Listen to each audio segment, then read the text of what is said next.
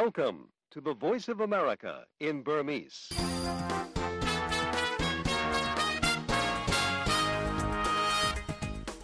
မင်္ဂလာညချမ်းပါရှင်။ဘေးရန်သွယ်ကနေကင်းဝေးကြပါစေ။ VOA American တန်ရဲ့ဒီ2024ခုနှစ်ဖေဖော်ဝါရီလ18ရက်စနေညချမ်းမြန်မာဘာသာအစီအစဉ်လေးကို American ပြည်ထောင်စု Washington DC ကနေတိုက်ရိုက်ထုတ်လွှင့်နေပါပြီရှင်။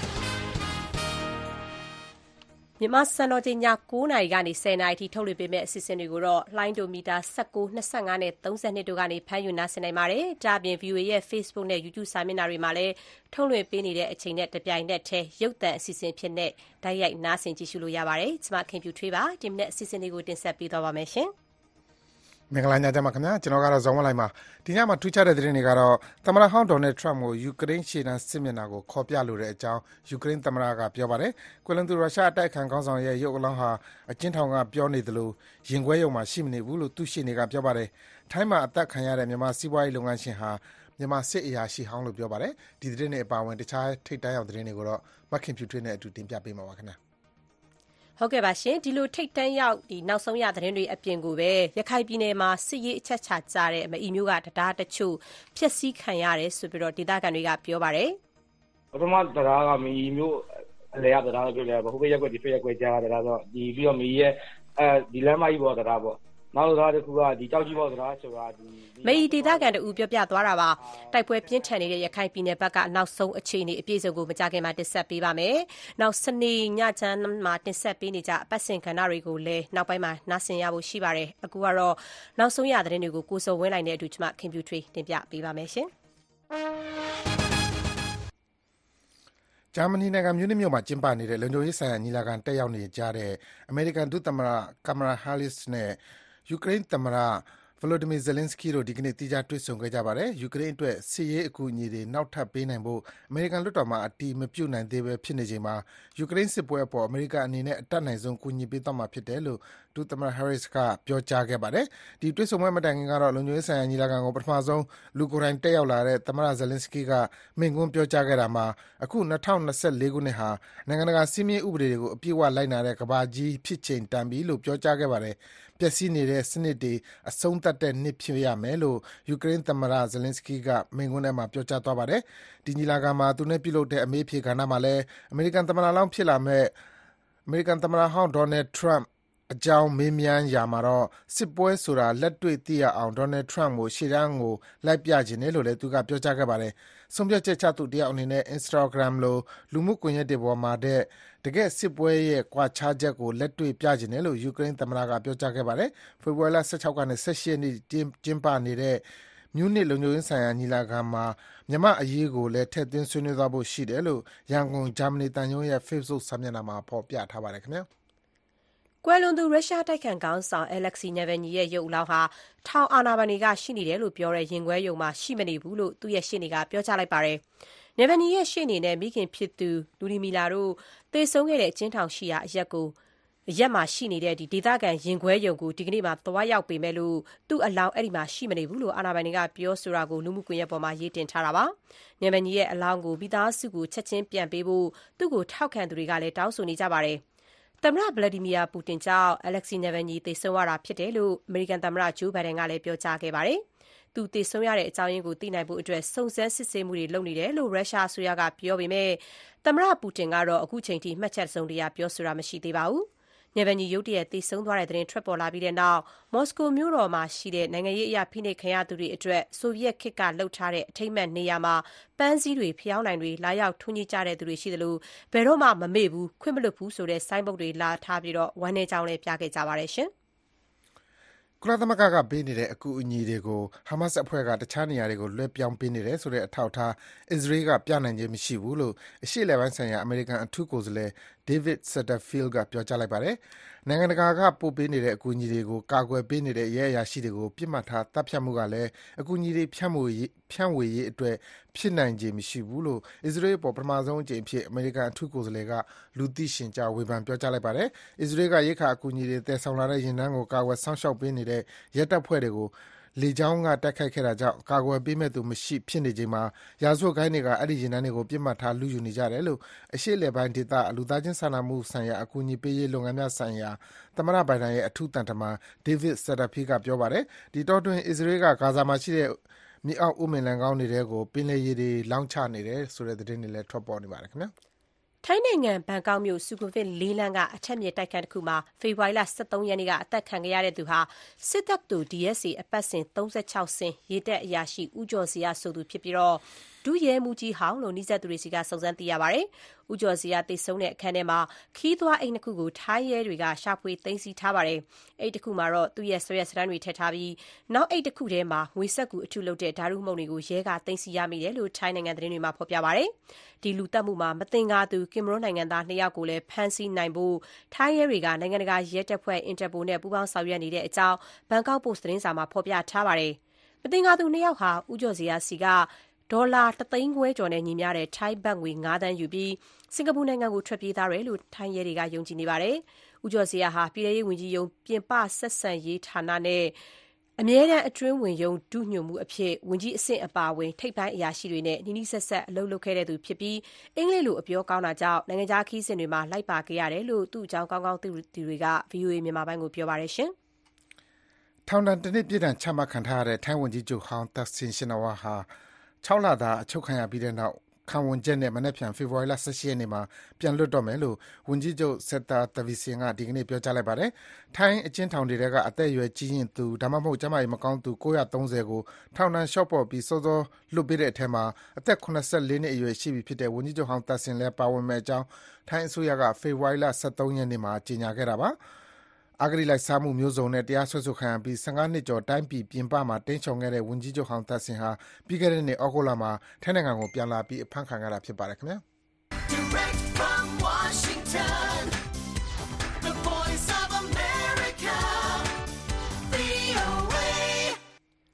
နောက်ဆုံးရသတင်းတွေကို ကိုဇော်ဝင်းလှိုင်နဲ့အတူ တင်ပြပေးခဲ့တာပါ။အခုဆက်ပြီး သတင်းပေးပို့ချက်တွေနဲ့ အပတ်စဉ်ကဏ္ဍတွေကို ဆက်တိုက် ထုတ်လွှင့်ပေးပါမယ်။ဒီကမှအရင်ဆုံးရခိုင်ပြည်နယ်ဘက်က အခြေအနေကို ကြည့်ရအောင်ပါ။စစ်တပ်နဲ့ရက္ခိုင့်တပ်တော် AA တို့ တိုက်ပွဲဖြစ်နေတဲ့ ရခိုင်ပြည်နယ်ထဲမှာ စစ်ရေးအရ အရေးပါတဲ့ မအီမြို့က တံတား ၂ စင်းကို စစ်တပ်က ဖျက်ဆီးလိုက်တယ်လို့ ဒေသခံတွေက ပြောပါတယ်။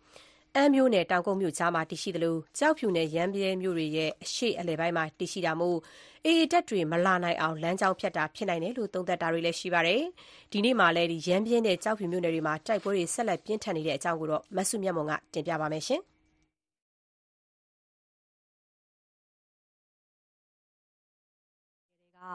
ကျောက်တော်၊မြောက်ဦး၊မင်းပြား၊မြေပုံနဲ့ ပေါက်တောမြို့နယ်တွေကို AA က သိမ်းယူထိန်းချုပ်နိုင်ခဲ့သလို လက်နက်ခဲယမ်းအမြောက်အများလည်း ရရှိခဲ့ပါတယ်။ဒါ့အပြင် စစ်ကောင်စီရေတပ်သင်္ဘော စုစုပေါင်း ၅ စီးကိုလည်း AA က တိုက်ခိုက်ဖျက်ဆီးနိုင်ခဲ့တယ်လို့ ထုတ်ပြန်ထားပါတယ်။အခုလို ရခိုင်မြောက်ပိုင်းမှာ စစ်ရေးအရ မြို့နယ်တွေကို လက်လွတ်ဆုံးရှုံးနေတဲ့ စစ်ကောင်စီအနေနဲ့ ရခိုင်တောင်ပိုင်းကို ထိန်းထားနိုင်ဖို့ စစ်အင်အားတိုးချဲ့တာတွေ တပ်မိသားစုဝင်တွေကို ရွှေ့ပြောင်းတာတွေနဲ့ စစ်လက်နက်ပစ္စည်းတွေ ပို့ဆောင်တာတွေကို လုပ်နေပါတယ်။ အမ်းမြို့နဲ့တောင်ကုတ်မြို့ကြားမှာတည်ရှိပြီး စစ်ရေးအရအရေးပါနေတဲ့ ရခိုင်တောင်ပိုင်း မအီမြို့နယ်ထဲမှာလည်း စစ်တပ်တွေ တပ်စွဲနေပါတယ်။ဒါကြောင့် အဲဒီဘက်ကို AA ရခိုင်တပ်တွေ ရောက်မလာနိုင်အောင် မအီမြို့က တံတား ၂ စင်းကို စစ်တပ်ဘက်က သောကြာနေ့က မိုင်းခွဲဖျက်ဆီးခဲ့တယ်လို့ တံတားအနီးနေထိုင်တဲ့ မအီဒေသခံတယောက်က ပြောပြပါတယ်။“ပထမတံတားက မအီမြို့အလယ်က တံတားလို့ပြောလို့ရတယ်။ဟိုဘက်ရပ်ကွက် ဒီဘက်ရပ်ကွက်ကြားက တံတားဆိုတော့ ပြီးတော့ မအီရဲ့ လမ်းမကြီးပေါ်က တံတားပေါ့ နောက်တံတားတခုကကျောက်ကြီးပေါက်တံတားဆိုတာမီးကထွက်သွားလို့ရှိရင်၁၀မိုင်ပတ်ဝန်းကျင်လောက်ရှိမယ်။အဲဒီနားကနေပြီးတော့၁၀မိုင်ပတ်ဝန်းကျင်နောက်ကတံတားကိုဖောက်သွားတာ။သူကတံတားနှစ်စင်းလုံးလည်းဖောက်ခွဲခံရတယ်။”အမ်းမြို့နဲ့တောင်ကုတ်မြို့ကြားမှာတည်ရှိသလိုကျောက်ဖြူနဲ့ရမ်းဗြဲမြို့နယ်တွေရဲ့အရှေ့အလယ်ပိုင်းမှာတည်ရှိတဲ့မအီမြို့နားကဇီးဆန်တောင်မှာစစ်ကောင်စီဗျူဟာကုန်းကိုအခိုင်အမာတည်ဆောက်ထားတယ်လို့အဲဒီဘက်မှာနေသူတွေကပြောပါတယ်။ပြီးခဲ့တဲ့ရက်ပိုင်းကလည်းတပ်မိသားစုဝင်တွေကိုရဟတ်ယာဉ်တွေနဲ့ပြန်ပို့တာတွေရှိသလို အင်အားအသစ်ထပ်ဖြည့်တာတွေလည်းရှိနေတယ်လို့ဒေသခံတွေကပြောပြကြပါတယ်။အဲဒါကြောင့်အဲဒီဘက်ကိုရခိုင် AA တပ်တွေရောက်မလာနိုင်အောင်အဆက်ဖြတ်ပုံရတယ်လို့မအီဒေသတက်ကြွလှုပ်ရှားသူလူငယ်တယောက်ကသုံးသပ်ပါတယ်။“အခုစစ်ကောင်စီကဗျူဟာထိုင်ထားတဲ့ဇီးဆန်တောင်ပေါ့လေ။အဲဒီနေရာဗျူဟာဆိုလို့ရှိရင်ရမ်းဗြဲကိုရောဒီဘက်တောင်ကုတ်နယ်တွေဘက်တော်တော်များများကိုအလှမ်းမီတဲ့နေရာမျိုးလို့ပြောလို့ရတယ်ပေါ့။မအီဗျူဟာကိုထိန်းထားနိုင်သရွေ့ကတော့ဒီဒေသထဲမှာတော်တော်များများနေလို့ရနိုင်သေးတဲ့အနေအထားမျိုးပေါ့ ပြီးရင် ဒီတံတားတွေ ရှို့လိုက်တာကိုယ်နှိုက်က ကျနော်တို့မြင်သလောက်ကတော့ သူတို့ AA က လာတိုက်မယ်ဆိုတော့စိုးရိမ်ပြီးတော့တံတားတွေကို ဖျက်လိုက်တဲ့ ပုံမျိုးပိုပေါက်တယ်ပေါ့လေ မအီမြို့နယ်တွေကထောင်နဲ့ချီတဲ့ ဒေသခံတွေကတော့ တိုက်ပွဲဖြစ်လာမှာ စိုးရိမ်တာကြောင့် ဘေးလွတ်ရာကို ထွက်ပြေးနေကြရတယ်လို့ ဒေသခံတွေက ပြောပြကြပါတယ်။လက်ရှိမှာတော့ ရခိုင်တောင်ပိုင်းက ရမ်းဗြဲမြို့နယ်ကို ပြီးခဲ့တဲ့လကတည်းက AA ဘက်က ထိုးစစ်ဆင်တိုက်ခိုက်ခဲ့သလို စစ်ကောင်စီဘက်ကလည်း ကြည်း၊ရေ၊လေ ပူးပေါင်း ခုခံတိုက်ခိုက်နေတာကြောင့် ဒီကနေ့အထိ တိုက်ပွဲတွေ ပြင်းထန်နေဆဲဖြစ်ပါတယ်။ ဒါ့အပြင် ကျောက်ဖြူမြို့နယ်ထဲကကုလားဘာကျေးရွာအနီးမှာလည်း ဒီရက်ပိုင်းအတွင်း စစ်ကောင်စီနဲ့ AA တပ်တွေကြား တိုက်ပွဲတွေဖြစ်ပွားနေပါတယ်။စစ်ကောင်စီဘက်က လေကြောင်းတိုက်ခိုက်မှုတွေ၊လက်နက်ကြီးနဲ့ ပစ်ခတ်မှုတွေလုပ်နေတာကြောင့်ကုလားဘာကျေးရွာနဲ့ အနီးအနားကျေးရွာတွေက ဒေသခံတွေ ဘေးလွတ်ရာကို ထွက်ပြေးနေကြရတယ်လို့ကုလားဘာကျေးရွာ ဒေသခံတဦးက ပြောပါတယ်။အခုလည်းအခုအင်တာဗျူးနေတုန်းကလည်း ဆက်ပစ်တယ်ဒီမှာ ပြေးနေကြတာပေါ့ အကုန်လုံးက တုန်လှုပ်နေကြတယ် ထိုက်လိုက်နေကြတယ်လေ ပြေးတဲ့သူကပြေးဟိုတော့ဘုံကိုရှင်းထဲမှာစား ဘုံကိုရှင်းထဲမှာနေဘုံစီတဲကပြောနေရတာပေါ့မောင်တော်ရသေးတောင်အပါဝယ်တချို့မြို့နယ်တွေမှာလည်းစစ်ကောင်စီနဲ့ရခိုင်တိုင်းရင်းသားလက်နက်ကိုင် AA အဖွဲ့တို့ကြားတိုက်ပွဲတွေဒီကနေ့ပြင်းထန်နေပါတယ် AA ဘက်ကတော့ရခိုင်ပြည်နယ်ထဲမှာရှိတဲ့စစ်ကောင်စီတပ်စခန်းတစ်ခုမကျန်တိုက်ခိုက်သွားမှာဖြစ်တယ်လို့ပြောကြားထားပါတယ်ရှင်။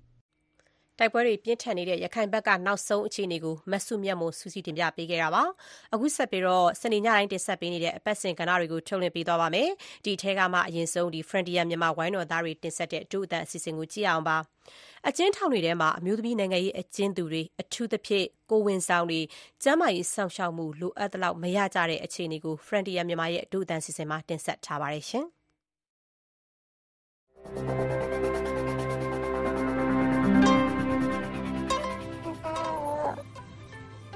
ခံစားရတာတော့မမေဖမ်းမခံရခင်ချွေကိုပြန်ပြီးနောက်ဆုတ်ပလိုက်ခြင်းတယ်ပြီးတော့မမေကတဖြည်းဖြည်းနဲ့ပိန်ပိန်လာတယ်တွေးလိုက်ရင်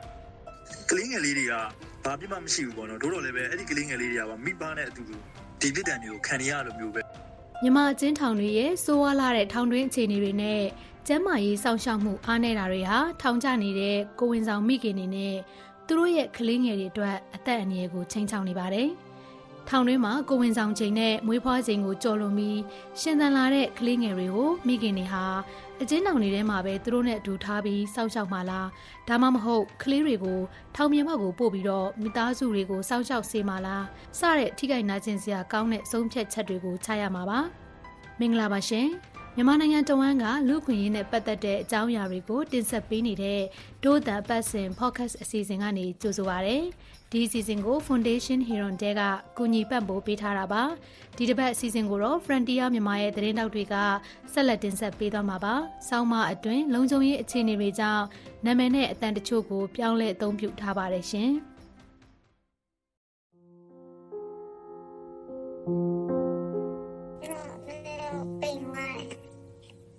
ပိန်သွားတယ်ငိုတော့ငိုချင်တာပေါ့သူ့ရှိမှမငိုမိအောင်စကားကြီးပြောရတာပေါ့ သူကတော့မေးတာပေါ့ဘာလုပ်နေလဲအဆင်ပြေလားပတ်စံရှိလားပေါ့အများကြီးပဲမေးတာပေါ့ကလေးမခေါ်လာဘူးလားလည်းမေးရယ်ကလေးကနေမကောင်းဆယ်ကျော်သက်အရွယ်မနှင်းပွင့်ကအကျဉ်းကျနေတဲ့သူ့အမေနဲ့တွေ့ခဲ့ရတဲ့နောက်ဆုံးအခြေအနေကိုပြောပြခဲ့တာပါမနှင်းပွင့်အမေက2021ဖေဖော်ဝါရီကစစ်အာဏာသိမ်းပြီးနောက်အာဏာရှင်စန့်ကျင်တဲ့အင်အားစုတွေကိုထောက်ပံ့နေဆိုတဲ့ဆွဆွဲချက်နဲ့စစ်ကောင်စီကဖမ်းဆီးထောင်ချထားတာပါအဖမ်းခံရခြင်းတုန်းကမနှင်းပွင့်အမေကကိုဝင်နေပါ အဲဒါကြောင့်ထောင်ထဲမှာပဲကိုဝင်ဆောင်ပြီးကလေးမွေးဖွားခဲ့ရပါတယ်။အခုသူ့အမေမေးတဲ့ကလေးဆိုတာကမနှင်းပွေရဲ့မောင်လေးဖြစ်ပါတယ်။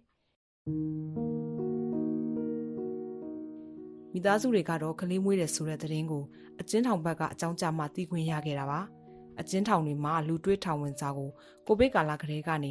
2023အောက်တိုဘာလအထိပိတ်ပင်ထားခဲ့တာကြောင့်မနှင်းပွင့်ကသူ့အမေနဲ့မတွေ့ခဲ့ရတာလဲကြာလှနေပါပြီ။ ဒါပေမဲ့သူ့မောင်လေးကိုတော့ထောင်ပြင်ပကမိသားစုစီပို့ထားတာကြောင့်အခုသူတို့နဲ့အတူရှိနေပါတယ်မွေးတော့ရက်မစီပဲမွေးရဆိုအရန်သေးရယ်အခုတော့အဖွားနိုးမှုတိုက်တော့ထွားလာတယ်ထောင်ထဲမှာမမေကအာဟာရရှိရမစားမတော့ရတော့ကလေးလည်းအာဟာရမရှိပဲသေးရပါတော့အပြင်ထွက်လာမှထွားလာတာကျမကြီးလည်းမကောင်းလေနာယောဂရှိရယ်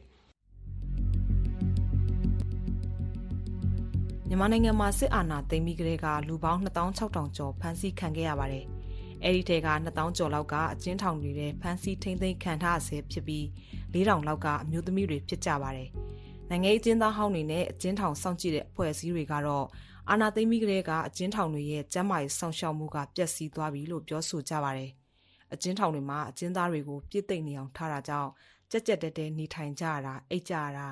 အိမ်သာနဲ့တန်ရှင်းရေးအားနေတာ တောက်သုံးရည်မတန်ရှင်းတာနဲ့အစာအာဟာရတွေလုံလုံလောက်လောက်မစားရတာတွေရှိနေပါတယ်ဒီအခြေအနေမျိုးမှာအကျဉ်းထောင်ထဲမှာကိုဝင်ဆောင်တာဒါမှမဟုတ်ကလေးမွေးဖွားတာနဲ့ကလေးကိုစောင့်ရှောက်တာကနိုင်ကျင်းမိခင်တွေအတွက်စိန်ခေါ်မှုဘလောက်ကြီးမလဲဆိုတာကိုစဉ်းစားကြည့်နိုင်ပါတယ်။ကျမရဲ့စောင့်ရှောက်မှုရနိုင်တာကလည်းလုံးဝမရှိသလောက်ပါပဲ။အကျဉ်းထောင်တွေမှာအရေးပေါ်ကျမရဲ့အတွက်ဆရာဝန်လည်း24နာရီမရှိပါဘူး။တချို့အကျဉ်းထောင်တွေမှာဆိုရင်ကျွမ်းကျင်ဆေးဝန်ထမ်းတွေတောင်မရှိပါဘူး။ မိခင်နဲ့ကလေးတွေကလည်းအခြားသောအကျဉ်းသားတွေနဲ့အတူရောနှောနေထိုင်ကြရတာပါ။ကိုဝင်ဆောင်မိခင်တွေမွေးကင်းစကလေးငယ်တွေအတွက်လိုအပ်တဲ့စမ်းသပ်စစ်ဆေးမှုတွေအချိန်မီဆေးကူတာခွင့်ဆေးဝါးဆောင်ရှောက်ခွင့်တွေနဲ့ကာကွယ်ဆေးထိုးပေးတာတွေလည်းမရှိပါဘူး။အဲ့လိုကျန်းမာရေးဆောင်ရှောက်မှုတွေမရတာကြောင့်တချို့မိခင်တွေကတော့သူတို့ကလေးငယ်တွေကိုဆုံးရှုံးထားရပါတယ်။ မြန်မာနိုင်ငံလုံးဆိုင်ရာနိုင်ငံရေးအကျဉ်းသားများကွန်ရက် PPNM ကတော့2023ခုနှစ်ထဲမှာပဲထောင်တွင်းတည်ဆုံခဲ့ရတဲ့ကလေးငယ်2ဦးရှိနေတယ်လို့ဒို့အတန်ကိုပြောပါတယ်။နိုင်ငံရေးအကျဉ်းသူဟောင်း Rose ကအာနာသိမ့်ပြီးနောက်အင်းစိန်ထောင်တွင်းကရုန်းကန်နေရတဲ့မိခင်တွေရဲ့ဝမ်းနည်းစရာကောင်းတဲ့အဖြစ်အပျက်တွေကိုမျက်မြင်သိရှိခဲ့ရတာတွေရှိနေပါတယ်။ညီမရှိမှဆိုလို့ရှိရင်ကိုဝင်သားပေါ့နော်သူ့ကိုစေးရုံမှာကြိုနေခိုင်းတယ်မမွေးခင်တလားလောက်မှာနိုင်ကျဲမဲ့ပေါ့နော်ကြိုနေ ဒါပြီးမဲ့သူမွေးတိုင်းနေမှာသူကဘိုက်ရှင်းမွားလွန်ဝါလို့ဆိုပြီးအင်းစိန်စင်းကိုရောက်တဲ့ချိန်မှာကလေးကိုခွဲထုတ်တော့လေကလေးကအသက်ဆုံးရှုံးသွားတယ်ပေါ့နော်တကယ်တကယ်ဘိုင်းလာတဲ့ချိန်မှာ insane စီကိုမပို့အရင်ပို့ဖို့နောက်ကျသွားတယ်နောက်ထပ်ကလေးမိခင်ဆိုရင်အပြင်စေးရုံမှာတော့ကလေးသွားမွေးလိုက်တယ်ကလေးရဲ့လည်းတက်ရှင်တယ်ဒါပေမဲ့ကလေးတဝဝင်တာကိုအပြင်စေးရုံကနေပြီးတော့ချက်ချင်းအင်းစိန်ထောင်နဲ့ထောင်စေးရုံပြန်ပို့လိုက်တယ်ကလေးကအတဝဝင်ပြီးပါလာတယ်လမ်းမှာထောင်လေးစေးရုံရောက်ပြီးတိတ်မကြဘူးကလေးကတည်သွားတယ်ပေါ့ ကိုတိုက်ထုံးကမြန်မာနိုင်ငံလုံးဆိုင်ရာနိုင်ငံရေးအကျဉ်းသားများကွန်ရက် PPNM ရဲ့တာဝန်ခံတူပါ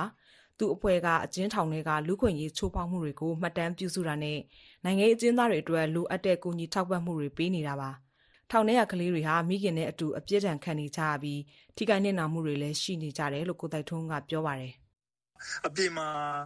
လွတ်လပ်စွာမူဖွားခွင့်ရတဲ့ကလေးငယ်လေးတောင်မှကျမရေးဆောင်ဆောင်မှုကိုမူဖွားစဉ်ကာလတစ်လျှောက်လုံးမှာအဲဂလူဒီဇိုင်းနဲ့ကြည်နေရတဲ့အနေအထားတစ်ခုမှာအချင်းထောင်ထဲမှာကြတော့ကလေးတွေအတွက်ဖြည့်ဆွတ်စာတွေရရှိဖို့ခက်ခဲတယ်။ကလေးငယ်လေးတွေကဘာပြမှမရှိဘူးပေါ့နော်တို့တော့လည်းပဲအဲ့ဒီကလေးငယ်လေးတွေကပါမိဘနဲ့အတူတူဒီပြစ်ဒဏ်တွေကိုခံရရလိုမျိုးပဲကလေးငယ်တွေမှာကအပြင်ဘက်မှာရှိနေကလေးငယ်နဲ့အတူတူဒန်းတူပေါ့သူတို့မှာနေထိုင်ခွင့်မရှိဘူးပေါ့နော် အပြည်ပြည်ဆိုင်ရာလူ့ခွင့်ရေးကြီးညာစာတမ်းအပိုက်25ရ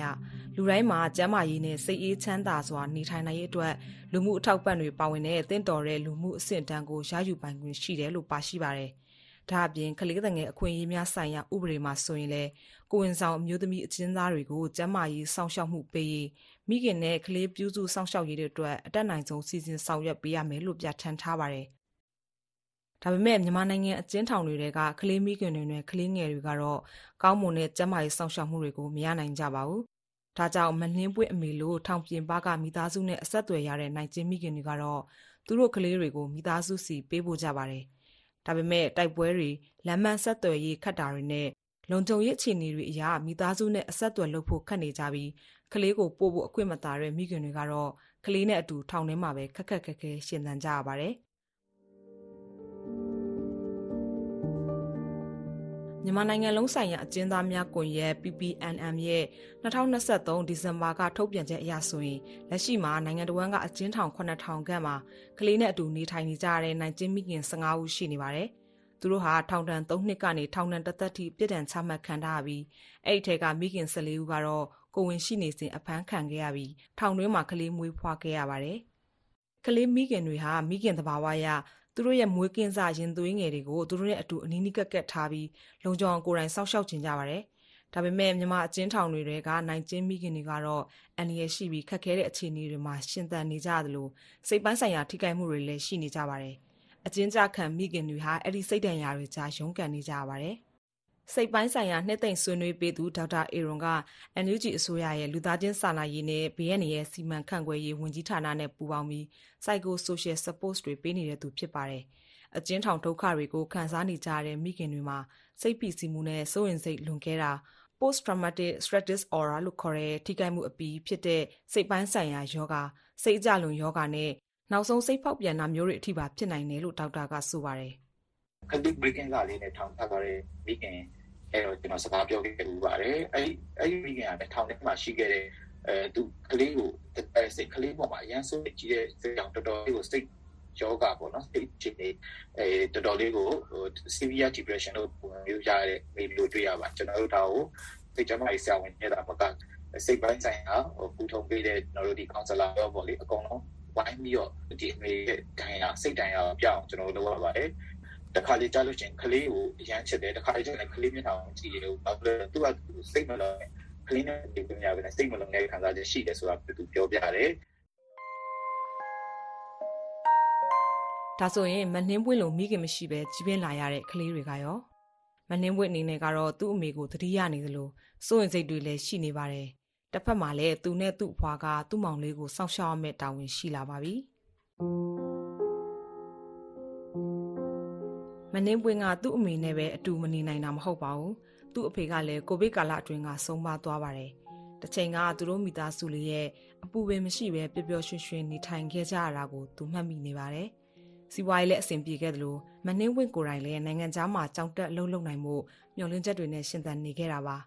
ဒါပေမဲ့အခုတော့မနှင်းဝင့်အတွက်တစ်ချိန်မှာသူ့မိပြန်လဲလွတ်မြောက်လာပြီးမိသားစုပြန်လဲစုံစည်းနိုင်မှုစောင့်မျှော်နေသလို သူတို့အားလုံးလုံခြုံစိတ်ချရတဲ့နေရာတစ်ခုမှာရှင်သန်နိုင်ကြဖို့မျှော်လင့်နေပါတယ်ခံစားရတာတော့မမေဖမ်းမခံရခင်ချွေကိုပြန်ပြီးနောက်ဆုတ်ပလိုက်ခြင်းတယ်ပြီးတော့မေကိုဖမ်းထားတဲ့လူတွေကိုလည်းမုန်းတယ်စစ်ကောင်စီကိုလည်းမုန်းတယ်သူတို့ကြောက်ပဲအဲ့လိုတွေဖြစ်လာတာမေမေပြန်လွတ်လာရင်အကုန်လုံးပဲအခြားနေရာကိုပြောင်းသွားခြင်းတယ်နိုင်ငံခြားပြောင်းတာပဲဖြစ်ဖြစ်ပေါ့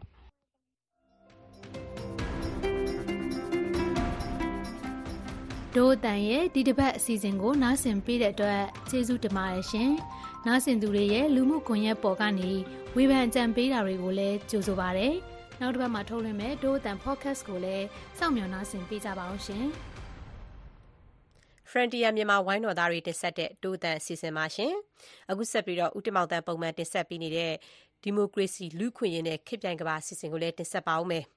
အနာဂတ် ဖက်ဒရယ်ပြည်ထောင်စု တည်ဆောက်ရေးဆိုင်ရာ ဆွေးနွေးရေးဆိုတဲ့ ဗိုလ်ချုပ်ကြီး အင်ဘန်လရဲ့ အဆိုပြုချက်နဲ့ အာဆီယံရဲ့ တမျိုးသားလုံးဆိုင်ရာ တွေ့ဆုံဆွေးနွေးရေးကို ချိတ်ဆက်လို့ ရနိုင်မှာလား ဒီမိုကရေစီ လူ့ခွင့်ရေးနဲ့ ခေတ်ပြိုင်ကမ္ဘာ အစီအစဉ်မှာ ဦးတမောင်တန်းက ဒုတိယပိုင်းအဖြစ် ဆွေးနွေးတင်ပြထားပါတယ်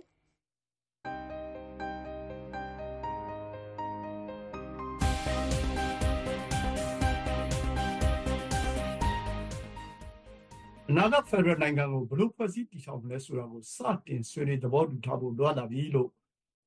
KO အဖွဲ့ဥက္ကဋ္ဌဟိုချုပ်ချစ်အမ်ဘလာက February 9ရက်နေ့ကပြောကြားလိုက်ပါတယ်။ဒါနဲ့ပတ်သက်လို့ဖက်ဒရယ်နိုင်ငံတစ်ခုနဲ့ဆက်နွယ်ဆွေးနွေးရမယ် Federal Unit တွေအကြောင်းကိုမျိုးသားညီညွတ်ရေးတိုင်ပင်ခံကောင်စီမှာ2021ထွေတပိတ်ကော်မတီကိုယ်စားလှယ်ဖြစ်တဲ့ပါဝင်နေတဲ့ဦးတွင်နေအောင်နဲ့ဆွေးနွေးတင်ပြခဲ့ကြပါတယ်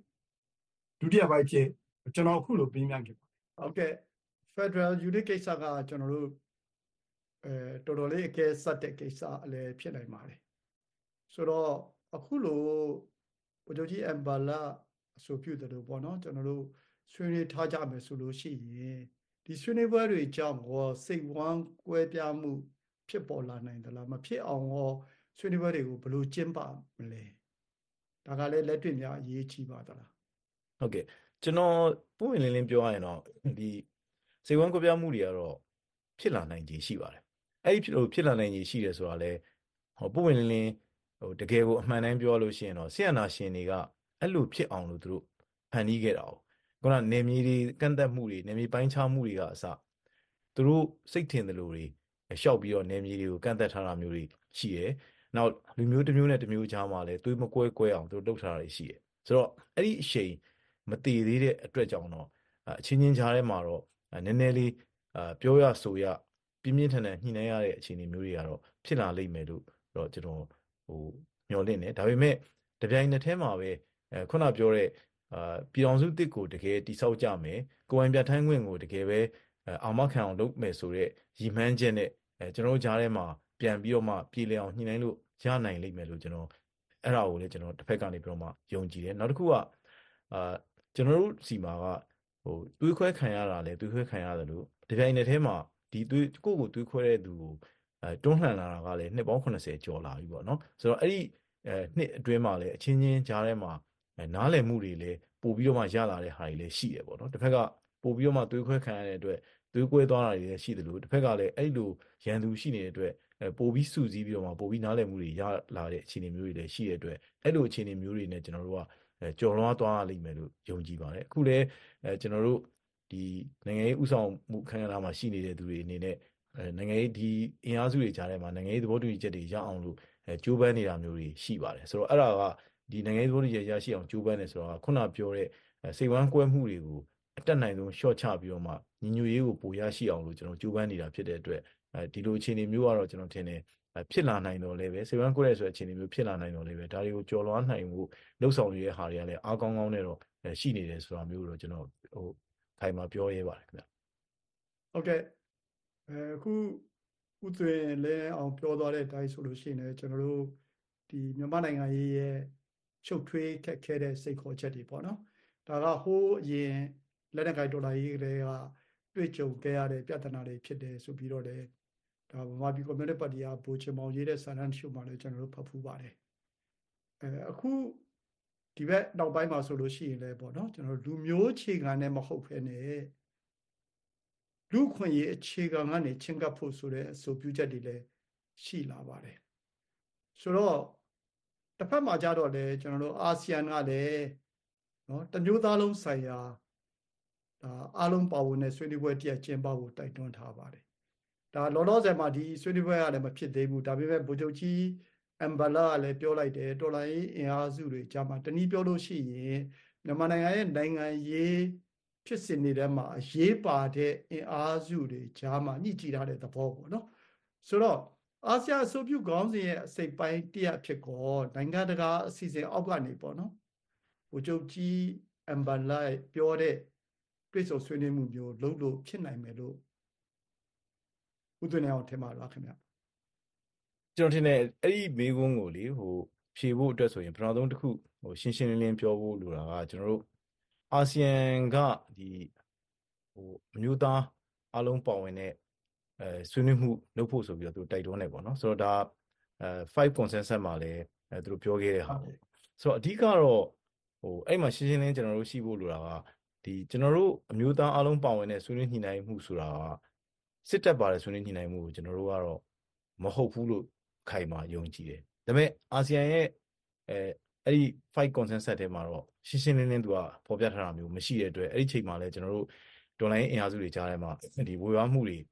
ဖြစ်ကြရတယ်ပေါ့နော်ဆိုတော့ဒီနေရာမှာတော့ကျွန်တော်ရှင်းရှင်းလင်းပြောချင်တာကျွန်တော်တို့ဘက်ကနားလည်ချက်ကတော့အဲစစ်တပ်မပါတဲ့ဆရာနာရှင်တွေမပါတဲ့အာကျွန်တော်တို့အမျိုးသားအချင်းချင်းကြားထဲမှာပဲပြုလုပ်ရမယ်ဆွေးနွေးညှိနှိုင်းမှုပေါ့ဒါကတော့ကျွန်တော်တို့ မဖြစ်မနေအဲကျွန်တော်တို့ကြားထဲမှာလုပ်ကိုလုပ်ရမယ်ဟာဖြစ်တယ်အဲခုနပြောတဲ့အာညှိနှိုင်းမှုတွေပေါ့နော်ဟိုအချင်းချင်းကြားထဲမှာပြဿနာတွေအဲနေသွားအောင်အဲကျွန်တော်တို့ဒီသဘောတူညီချက်တွေရအောင်ဒါတွေကတော့လုပ်ဖို့လိုမယ်ဒါပေမဲ့အဲ့လိုလုပ်တဲ့အခါမှာအဲခုနပြောတဲ့နိုင်ငံတကာရဲ့အဲတချို့သောဝင်ရောက်ညှိနှိုင်းပေးမှုတွေအဲစိစက်ပေးမှုတွေလည်းလိုကောင်းလိုလာနိုင်ပါတယ်။ဘာလို့ခုနပြောလို့အာကျွန်တော်တို့ကအာစိတ်ဝမ်းကွဲပြားမှုတွေဖြစ်အောင်လို့ ဆရာနာရှင်တွေကတောက်လျှောက်ကျွန်တော်တို့ဖန်တီးလာခဲ့တဲ့အတွက်ကြောင့်မလို့အဲ့ဒီအရှိန်အရ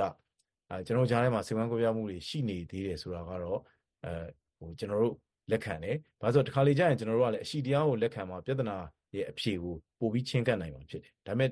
အဲတစ်ဖက်မှာလည်းခုနပြောလို့ပေါ့နော်ဟိုညီညွတ်ရေးတွေလည်းရခဲ့တဲ့ဟာတွေရှိတယ်။အဲ့တော့တကယ်လို့ခုနပြောတဲ့စိတ်ဝမ်းကွဲပြားမှုတွေကြောင့်မလို့အဲကျွန်တော်ကြားထဲမှာညှိနှိုင်းရတာအဲနည်းနည်းလေးခက်ခဲတဲ့အခြေအနေမျိုးတွေဖြစ်လာခဲ့တယ်ဆိုရင်လည်းဒီခုန အပြည်ပြည်ဆိုင်ရာရဲ့ဝင်ရောက်ပြီးတော့မှညှိနှိုင်းမှုတွေစိစက်မှုတွေအဲဒါမျိုးတွေကလည်းကျွန်တော်ထင်တယ်နောက်တစ်ချိန်မှာဒါရှိကိုရှိလာရမယ်အဲကိစ္စတွေပဲပေါ့နော်လောလောဆယ်မှာတော့ကျွန်တော်တို့ကဆရာနာရှင်ကိုတော်လန်နေတဲ့ကာလဖြစ်တဲ့အတွက်ကျွန်တော်ချက်တာအရဆိုရင်လည်းဒါဆရာနာရှင်ကိုဖယ်ရှားတဲ့ကာလဖြစ်တဲ့အတွက်ဒီဟာတွေကိုတော့ကျွန်တော်တို့အသေးစိတ်ဖော်ပြထားနိုင်နေတာမရှိဘူးဒါပေမဲ့ခုနအသွင်ကူးပြောင်းရေးကာလပေါ့နော်ဂျာဒုတိယကာလအနေနဲ့ကျွန်တော်သတ်မှတ်ထားတဲ့အဲ့ဒီကာလမှာတော့အဲ့လိုညှိနှိုင်းမှုတွေကျွန်တော်တို့မဖြစ်မနေလုပ်ကြမှာဖြစ်တယ်အဲ့လိုညှိနှိုင်းမှုတွေကိုကျွန်တော်တို့လုပ်တဲ့အခါမှာတော့ခုန international ရဲ့အာ ဝင်ရောက်ပေးတာတွေညှိနှိုင်းပေးတာတွေစစ်ဆက်ပေးတာတွေဆိုတဲ့အခြေအနေမျိုးတွေလည်းရှိလာနိုင်တယ်လို့လည်းကျွန်တော်ခိုင်းပါဟိုယုံကြည်ပါတယ်ဗျဟုတ်ကဲ့ဟုတ်ကဲ့စောစောကဥသွေးလေးကိုပြောသွားတဲ့ထက်မှာစစ်တပ်ကိုလည်းဒီအင်အားစုထဲမှာထည့်မထားဘူးပေါ့နော်တမျိုးသားလုံးဆိုင်ရာတွေ့ဆုံဆွေးနွေးဆိုတဲ့ထဲမှာဆိုတော့တစ်ဖက်စစ်ကောင်စီဘက်ကပြောတာကလည်း NUG နဲ့နော်အဖွဲ့တွေကိုဒီထဲမှာသူကအတိမပြုမထားဘူးလို့ပြောတယ်။ဒါဆိုလို့ရှိရင်မြန်မာနိုင်ငံရေးရဲ့အဓိကကြတဲ့ဟာ ကကျွန်တော်တို့စစ်အနိုင်တိုက်ရေးဆိုတဲ့ဘက်ကိုပဲနှစ်ဖက်စလုံးကဥတီသွားနေတယ်လို့ကျွန်တော်တို့ယူဆလို့ရမယ်သဘောဖြစ်နေတယ်ဆိုတော့စောစောပြောတဲ့စစ်ကောင်စီကိုအင်အားစုတစုဖြစ်နေထည့်ပြီးမထားဘူးဆိုတာက NUCC ရဲ့ရည်တည်ချက်လား GSC ရဲ့ရည်တည်ချက်လားခင်ဗျအဲကျွန်တော်တို့ NUCC မှာကိုအဲ့ဒီရည်တည်ချက်ရှိပါတယ် NUC မှာရည်တည်ချက်ရှိဘာလို့ GSC ဒီ NUCC ရဲ့အဖွဲ့ဝင်ဖွဲ့စည်း ဖြစ်တဲ့အတွက်ကျွန်တော်တို့ရဲ့အဲ့ရည်တည်ချက်တူတဲ့အတွက်လည်းကျွန်တော်တို့ဆက်ပြီးတော့ NUC မှာပါနေတာပေါ့နော်။နောက်စစ်တပ်နဲ့ဆီယနာရှင်တွေနဲ့ပတ်သက်လို့ရှိရင်အထူးဖြင့်တော့စစ်တပ်လည်းပါတာပေါ့နော်။စစ်တပ်နဲ့ပတ်သက်ရင်ကျွန်တော်တို့ရဲ့သဘောထားကခုနစစ်နိုင်တိုက်ရေးကဘယ်ချိန်မှကျွန်တော်တို့ဖြစ်သွားလဲဆိုတော့2021ခုနှစ်မှာစစ်တပ်ကအာဏာသိမ်းမှုစပြီးကြိုးပမ်းတဲ့အချိန်ကစပြီးတော့စစ်အနိုင်တိုက်ရေးဆိုတဲ့ဟာကကျွန်တော်တို့ဆီယနာရှင်ဆက်ကျင်အင်အားစုတွေကြားထဲမှာအခိုင်အမာဖြစ်သွားတယ်။ဟိုမျိုးသားပြန်လည်ကြားစေလို့ပြောတဲ့အခါမှာ ကျွန်တော်အမြဲတမ်းပြောလို့ရှိတာကအမျိုးသားပြန်လည်ရင်ကြားစေရေးဆိုတာဒီစစ်တပ်ကြောင့်မလို့ဆရာနာရှင်ကြောင့်မလို့စိတ်ဝမ်းကွဲနေတဲ့ကျွန်တော်တို့အမျိုးသားများအချင်းချင်းတိုင်းသားများအချင်းချင်းကြားထဲမှာပြန်လည်ရင်ကြားစေရေးကိုပဲလှုပ်ဆောင်မှုဖြစ်တယ်။ဒါမဲ့စစ်တပ်နဲ့ကအဲ့ပြန်လည်ရင်ကြားစေရေးကလှုပ်ဆောင်ရဖို့မလို့စစ်တပ်ဆိုဒီမှာကောင်းမွန်သောအရက်ဖက်စစ်ဖက်အုပ်ချုပ်ရေးရရက်ဖက်အောက်မှာပဲနေရမယ့်လူတွေဖြစ်တယ်။နောက် NUCC ထဲမှာရော NUG ထဲမှာရောကျွန်တော်တို့ရဲ့ခိုင်မာယုံကြည်ချက်ကမြန်မာနိုင်ငံမှာအဲ့လိုပြဿနာတွေတောက်လျှောက်ဖြစ်ပေါ်နေရခြင်းက စစ်တပ်ဒီသူ့ရဲ့အဓိကတာဝန်ဖြစ်တဲ့နိုင်ငံတော်ကာကွယ်ရေးကိုမလုပ်ဖဲနဲ့နိုင်ငံရဲ့အနာနိုင်ငံရေးထဲမှာဝင်ရောက်ပြီးတော့ပါနေတဲ့အတွက်ဒီပြဿနာတွေတောက်လျှောက်ဖြစ်ပေါ်လာခြင်းဖြစ်တယ်လို့ကျွန်တော်တို့ကအခိုင်အမာယုံကြည်တယ်အဲ့တော့2021အပြီးမှာတော့အားလုံးရဲ့စဉ်းစားချက်ကတော့ဒီတစ်ချိန်မှာတော့စစ်တပ်ကိုနိုင်ငံရေးကနေလုံးဝဖယ်ရှားဖို့ဆိုလို့ရှိရင်အနိုင်သူတို့ကိုအဲတိုက်လိုက်တာပဲအဖြေဖြစ်တယ်ဆိုတာမျိုးကျွန်တော်တို့ခေါင်းထဲမှာဝင်လာတယ်ပေါ့နော်ဝင်လာတဲ့အတွက်ကြောင့်လည်းဒီတိုက်ပွဲရဲ့ပြင်းထန်မှုကဒီလောက်ထိ အာဟိုဖြစ်သွားတာပေါ့နော်ရှေ့ကတည်းကဆိုတော့ရှေ့မှာတော့ကျွန်တော်တို့ကရမလားလို့ညှိကြည့်တာပေါ့ဆိုတော့ဒါကတော့ကျွန်တော်တို့ရဲ့သဘောထားဖြစ်တဲ့အတွက်အခုဒီညှိမဲ့နိုင်မယ်ဆိုတဲ့အထဲမှာတော့စစ်တပ်ကိုတော့ကျွန်တော်ကမထည့်တော့ဘူးစစ်တပ်ကိုဖယ်ရှားပြီးတဲ့အခြေအနေတစ်ခုမှာပဲကျွန်တော်တို့အချင်းချင်းကြားထဲမှာပဲပိုပြီးကောင်းမွန်တဲ့ပြည်အောင်စုတစ်ကိုတောင်းဖို့ညှိကြနိုင်ကြမယ်ဆိုတာမျိုးပဲကျွန်တော်ကအခုလောလောဆယ်မှာစဉ်းစားထားတာဖြစ်ပါတယ်ဗျဟုတ်ကဲ့ကျေးဇူးအများကြီးတင်ပါတယ်ဦးတင်လျောင်းဟုတ်ကဲ့ကျေးဇူးပါခင်ဗျဟုတ်ကဲ့ဟုတ်ကဲ့ အခုဆွေးနွေးတော့ခဲ့သူကတော့ GSC ရဲ့ကိုယ်စားလှယ်ဖြစ်တဲ့ NUCC ရဲ့အဖွဲ့မှာဝင်ရောက်ပါဝင်လှုပ်ရှားနေတဲ့ဥသွေနေအောင်ဖြစ်ပါတယ်ကျွန်တော်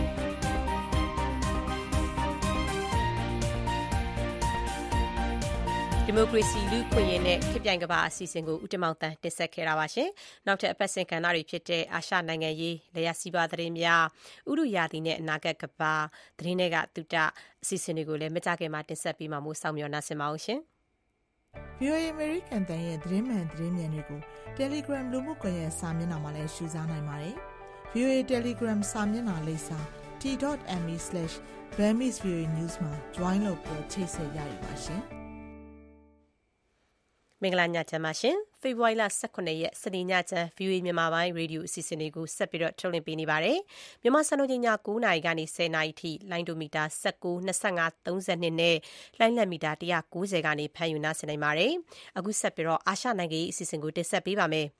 ထိုင်းနိုင်ငံမှာဘုရင်နဲ့ပတ်သက်တဲ့ပြုပြင်ပြောင်းလဲရေးအတွက်လှုပ်ရှားသူအသက်၂၂နှစ်အရွယ်ကျောင်းသူ Da Taw ကိုထိုင်းအာဏာပိုင်တွေကဖမ်းဆီးလိုက်ပါတယ်။အိန္ဒိယဝန်ကြီးချုပ် Modi ကတော့အာရပ်စော်ဘွားများပြည်ထောင်စု UAE နိုင်ငံမှာရောက်နေတဲ့အချိန်ပထမဆုံးဟိန္ဒူဘုရားကျောင်းကိုဖွင့်လှစ်ပေးလိုက်ပါတယ်။မြောက်ကိုရီးယားနဲ့ဂျပန်အကြားတွေ့ဆုံဆွေးနွေးဖို့ကမ်းလှမ်းချက်တွေထွက်ပေါ်လာပေမယ့်မစ်ဇိုင်းဒုံးစမ်းသပ်မှုတွေကြောင့်တင်းမာနေဆဲဖြစ်ပါတယ်။ဒီလိုအာရှနိုင်ငံရေးသတင်းတွေကိုကိုဇော်မိုးကျော်စုစည်းတင်ပြပေးပါမယ်။ ထိုင်းနိုင်ငံမှာဘယင်နဲ့ပတ်သက်တဲ့ပြုပြင်ပြောင်းလဲရေးလှုပ်ရှားသူ လူငယ်အမျိုးသမီးတန်တဝမ်ကို ထိုင်းအာဏာပိုင်တွေကဖေဖော်ဝါရီလ23ရက်နေ့မှာဖမ်းဆီးလိုက်ပါတယ်။တန်တဝမ်ဟာပြီးခဲ့တဲ့ဖေဖော်ဝါရီလ9ရက်နေ့ကဘန်ကောက်မြို့အဝေးပြေးလမ်းမှာရဲတွေလမ်းပိတ်ထားတာကိုကားနဲ့ကြော်ဝင်မောင်းနှင်ခဲ့ပြီးဘရင်အမတော်တီတီတုံလိုက်ပါလာတဲ့ရင်တန်းကိုကြော်တက်ခဲ့ပါတယ်။ရဲတွေကကားနဲ့သူ့ကိုလိုက်လံပိတ်ဆို့တားဆီးခဲ့ပါတယ်။ ဒီဖြစ်ရပ်ကို သူက Facebook မှာ တိုက်ရိုက်လွှင့်ခဲ့ပါတယ်။အဲဒီနောက် တန်တဝမ်နဲ့အဖွဲ့ဟာ ဖေဖော်ဝါရီလ10ရက်နေ့မှာ ဘန်ကောက်မြို့ လူစီကားရာ မြို့ပတ်ရထားဘူရာယုံတစ်ခုမှာဘရင်မိသားစုရင်တန်းဟာ အများပြည်သူသွာလာရေးကို အနောက်ရှက်ဖြစ်မဖြစ် အများဆန္ဒကောက်ယူခဲ့ရမှာဘရင်လိုလားသူတွေနဲ့အထီးကယုံဖြစ်ခဲ့တဲ့အတွက် ရဲတွေအပါအဝင် တော်တော်များများ ဒဏ်ရာရခဲ့ပါတယ်။ ထိုင်းနိုင်ငံမှာ ဘုရင်နဲ့ မိသားစုကို ဆန့်ကျင်ဖို့ဟာ အလွန်အန္တရာယ်ကြီးပြီး အလွန်ဖြစ်ခဲပါတယ်။တန်တဝမ် တလူနွန်ဟာ အသက် ၂၂ နှစ်သာရှိသေးတဲ့ ဒီမိုကရေစီရေး လှုပ်ရှားသူဖြစ်ပါတယ်။၂၀၂၀-၂၀၂၁ ခုနှစ် ဆန္ဒပြပွဲတွေမှာ ဘုရင့်အာဏာလျှော့ချရေးနဲ့ ဘုရင်နဲ့ပတ်သက်တဲ့ တင်းကျပ်တဲ့ ဥပဒေတွေ ပြင်ဆင်ရေး တောင်းဆိုခဲ့ကြပါတယ်။တန်တဝမ်ဟာ ၂၀၂၂ ခုနှစ်မှာ အဖမ်းခံရပြီး အာမခံနဲ့ပြန်လွတ်ခဲ့ပါတယ်။၂၀၂၃ခုနှစ်မှာဘုရင့်ကာကွယ်ရေးဥပဒေနဲ့ထပ်မံတရားစွဲဆိုခံရပါတယ်။တန်တဝမ်နဲ့တွဲဘက်လှုပ်ရှားသူအော်ဒဝမ်ဖူပေါင်တို့မိန်းကလေးနှစ်ဦးဟာရက်ပေါင်း၅၀ကျော်ကြာအစာငတ်ခံဆန္ဒပြခဲ့ကြပါတယ်။သူတို့နှစ်ဦးဟာပြီးခဲ့တဲ့လထဲကမှအချုပ်ကနေပြန်လွတ်လာတာပါ။သူတို့ကိုထောက်ခံသူတိုးလာပါတယ်။ဒါပေမဲ့ထိုင်းမှာဒီကိစ္စဟာအလွန်အန္တရာယ်ကြီးတဲ့အတွက် လူတွေကပွင့်ပွင့်လင်းလင်းမထောက်ခံရဲကြပါဘူး။၂၀၂၃ခုနှစ်တန်တဝမ်တို့အစာငတ်ခံဆန္ဒပြနေစဉ်နိုင်ငံတကာလွတ်ငြိမ်းချမ်းသာခွင့်အဖွဲ့ကသုတေသီ Chanatit Tatiakrornpong ကအခုလိုသုံးသပ်ပြောဆိုခဲ့ဖူးပါတယ်။ From our observation we could say that people are reluctant ကျွန်တော်တို့လေ့လာမိသလောက်ဒီအစာငတ်ခံဆန္ဒပြတာကိုလူတွေကထောက်ခံဖို့တွန့်ဆုတ်နေကြပါတယ်။ ဘာဖြစ်လို့လဲဆိုတော့ နောက်ဆက်တွဲ ပြင်းထန်တဲ့ အကျိုးဆက်တွေကို ကြောက်ရွံ့ကြတဲ့အတွက် ဖြစ်ပါတယ်။ဒါပေမဲ့ ၂၀၂၀ နောက်ပိုင်း ဆန္ဒပြပွဲတွေမှာ ဘုရင့်ဥပဒေပြင်ဆင်ရေးအတွက် ပြောင်ပြောင်တင်းတင်း တောင်းဆိုလာခဲ့ပါတယ်။ထိုင်းမှာ စစ်အာဏာရှင်စနစ်နဲ့ ဘုရင်စနစ်ဟာ အပြန်အလှန် အကျိုးပြု တည်မြဲနေပြီး ထိုင်းနိုင်ငံရဲ့ နိုင်ငံရေးနဲ့ စီးပွားရေးကို လက်ဝါးကြီးအုပ် ချုပ်ကိုင်ထားတယ်လို့ လူငယ်ကျောင်းသားတွေ၊ပညာတတ် လူလတ်တန်းစားတွေက မြင်ကြပါတယ်။ ဒါကြောင့်ထိုင်းနိုင်ငံဖွံ့ဖြိုးတိုးတက်ရေးနဲ့ဒီမိုကရေစီပိုမိုထွန်းကားရေးမှာဒီအချက်နှစ်ခုစလုံးကိုပြင်ဆင်ဖို့လိုတယ်လို့ယူဆကြတာပါ။အခုအခါတန်တဝမ်ကိုဖမ်းဆီးထားပြီးထောင်ဒဏ်၁၅နှစ်အထိကျနိုင်တဲ့ပုဒ်မ၁၁၂ဘုရင့်ကာကွယ်ရေးဥပဒေနဲ့စွဲဆိုထားပြီးဖြစ်ပါတယ်။ဒါ့အပြင်ဖွဲ့စည်းပုံပါလုံခြုံရေးဥပဒေ၁၁၆နဲ့လည်းစွဲဆိုခံထားရပါတယ်။ထိုင်းနိုင်ငံမှာ၂၀၁၄ခုနှစ်ကစစ်တပ်ကအာဏာသိမ်းခဲ့ပြီး ဖွဲ့စည်းပုံစည်းမျဉ်းကိုပြန်လည်ရေးဆွဲထားတာဖြစ်ပါတယ်။အခုလိုအချိန်မှာပဲမွတ်ဆလင်နိုင်ငံတနိုင်ငံဖြစ်တဲ့ UAE အာရပ်စော်ဘွားများနိုင်ငံကိုဖေဖော်ဝါရီလ၁၃ရက်နေ့ကရောက်ရှိသွားတဲ့အိန္ဒိယဝန်ကြီးချုပ်မိုဒီဟာ UAE နိုင်ငံမှာပထမဆုံးတည်ဆောက်တဲ့ဟိန္ဒူဘုရားကျောင်းကိုဖေဖော်ဝါရီလ၁၄ရက်နေ့မှာတက်ရောက်ဖွင့်လှစ်ပေးခဲ့ပါတယ်။ဘုရားကျောင်းဆောက်ဖို့ UAE အစိုးရကမြေ၂၇ဧကပေးခဲ့ပါတယ်။ ကျောင်းဆောက်ဖို့ ကုန်ကျငွေ ဒေါ်လာ ၉၅ သန်းနီးပါးကိုတော့ ဝန်ကြီးချုပ်မိုဒီရဲ့ ဇာတိပြည်နယ်ဖြစ်တဲ့ ဂူဂျာရတ်ပြည်နယ်မှာရှိတဲ့ ဟိန္ဒူသာသနာအဖွဲ့ BAPS က ထောက်ပံ့ပေးခဲ့ပါတယ်။ UAE မှာနေထိုင်တဲ့ အိန္ဒိယလူမျိုး ၃.၅ သန်းလောက်ရှိပါတယ်။ဒီမိုကရေစီနိုင်ငံဖြစ်ပြီး ဘာသာရေးကို အဓိကမထားတဲ့ နိုင်ငံရေးစနစ်ကို ကျင့်သုံးတဲ့ အိန္ဒိယမှာ ဝန်ကြီးချုပ်မိုဒီဟာ ဟိန္ဒူဘာသာကို အားပေးအားမြှောက်လုပ်လာနေပြီး သူ့ကိုလည်းဟိန္ဒူအမျိုးသားရေးဝါဒီလို့ဝေဖန်ပါတယ်။ပြီးခဲ့တဲ့ဇန်နဝါရီလထဲတုန်းကရှေးဟောင်းမွတ်ဆလင်ဗလီကိုဖြိုချခဲ့တဲ့မြေနေရာမှာဆောက်လုပ်ထားတဲ့ဟိန္ဒူဘုရားကျောင်းဖွင့်ပွဲကိုဝန်ကြီးချုပ်မိုဒီတက်ရောက်ခဲ့တဲ့အတွက်ဝိုင်းဝန်းဝေဖန်ခဲ့ပါတယ်။လူဦးရေသန်း၁၄၀၀ကျော်ရှိတဲ့အိန္ဒိယမှာမွတ်ဆလင်၁၄ရာခိုင်နှုန်းရှိပါတယ်။အခုလိုအချိန်မှာပဲမြောက်ကိုရီးယားနဲ့ဂျပန်အကြားနီးကပ်တဲ့ဆက်ဆံရေးတွေဖြစ်မလာနိုင်စရာအကြောင်းမရှိပါဘူးလို့ မြောက်ကိုရီးယားခေါင်းဆောင် ကင်ဂျုံအွန်းရဲ့အမဖြစ်သူ ကင်ယိုဂျုံက ဖေဖော်ဝါရီလ ၁၅ ရက်နေ့မှာ ပြောဆိုခဲ့ပါတယ်။ဂျပန်ဝန်ကြီးချုပ်ဖူမီယိုကီရှီဒါကမြောက်ကိုရီးယားခေါင်းဆောင်နဲ့ ထိပ်သီးတွေ့ဆုံလိုတယ်လို့ ပြီးခဲ့တဲ့ ရက်သတ္တပတ်ထဲမှာ ပြောဆိုအပြီး အခုလို ထွက်ပေါ်လာတာဖြစ်ပါတယ်။ဒါပေမဲ့တစ်ဖက်မှာလည်း ဖေဖော်ဝါရီလ ၁၄ ရက်နေ့မှာ မြောက်ကိုရီးယားက မစ်ဇိုင်းဒုံးတွေ ထပ်မံစမ်းသပ်ပစ်လွှတ်ခဲ့တဲ့အတွက် စိုးရိမ်မှုတွေရှိနေကြောင်း ဂျပန်အစိုးရပြောရေးဆိုခွင့်ရှိသူ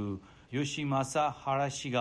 ဖေဖော်ဝါရီလ၁၅ရက်နေ့မှာပြောဆိုခဲ့ပါတယ်။北朝鮮は潜水艦や発射台付き車両မစ်ဇိုင်းဒုံးတွေကိုရင်ငုတ်သင်္ဘောဒါမှမဟုတ်စစ်သင်္ဘောတွေအပေါ်ကနေပစ်ခတ်စမ်းသပ်နေတာဟာဘယ်နေရာကနေပစ်မယ်ဆိုတာကိုခန့်မှန်းဖို့ခက်အောင်လုပ်နေတာဖြစ်ပါတယ်။မြောက်ကိုရီးယားအနေနဲ့ရုတ်တရက်တိုက်ခိုက်နိုင်မယ့်စွမ်းရည်မျိုးကိုမြှင့်တင်နေတာပါ။မြောက်ကိုရီးယားကရုတ်တရက်တိုက်ခိုက်မှာကိုစိုးရိမ်နေပြီးအခြေအနေတွေကိုမပြတ်စောင့်ကြည့်နိုင်ဖို့ ဂျပန်အနေနဲ့တောင်ကိုရီးယား၊အမေရိကန်တို့နဲ့ဆက်လက်ပူးတွဲလှုပ်ဆောင်သွားမယ်လို့ဂျပန်ပြောရေးဆိုခွင့်ရှိသူကပြောဆိုခဲ့ကြောင်းဒီတစ်ပတ်အာရှနိုင်ငံရေးအစီအစဉ်မှာတင်ပြလိုက်ရပါတယ်။ကိုဇော်မိုးကျော်တင်ဆက်တဲ့အာရှနိုင်ငံရေးပါရှင်အခုဆက်ပြီးတော့လေယာစီးပါသတင်းတွေကိုလည်းတင်ပြပေးပါဦးမယ် မြန်မာနိုင်ငံမှာ ရာဘာကို နိုင်ငံတကာအဆင့်မီ ကုန်ကျန်းအဆင့် မထုတ်လုပ်နိုင်တာကြောင့် မြန်မာရာဘာဟာ ကမ္ဘာရာဘာပေါက်ဈေးထက် ဒေါ်လာအတော်များများ ကွာတဲ့အထိ ဈေးနှိမ်ခံရပါတယ်။ဒီလို ရာဘာဈေးအပါဝင် တပတ်အတွင်းလေယာထွက်ကုန်တီးနှံတွေရဲ့ ဈေးအတက်အကျ ဘယ်လိုရှိပါလဲ။လေယာစီးပွားသတင်းတွေကို စုစည်းပြီးတော့ Farmer Times Media ကတင်ဆက်ပေးထားပါတယ်ရှင်။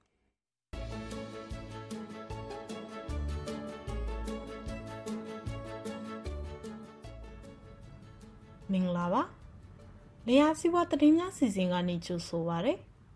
လေယာစိုက်ပျိုးရေးချစ်သူများရှင်လန်းချစ်မြင့်ကြပါစေရှင်ဒီတစ်ပတ်အတွက်လေယာစီးပွားသတင်းတွေကိုကိုမြင့်မင်းဟန်နဲ့သူကျမမေစဘဲကတင်ဆက်ပေးသွားပါမယ်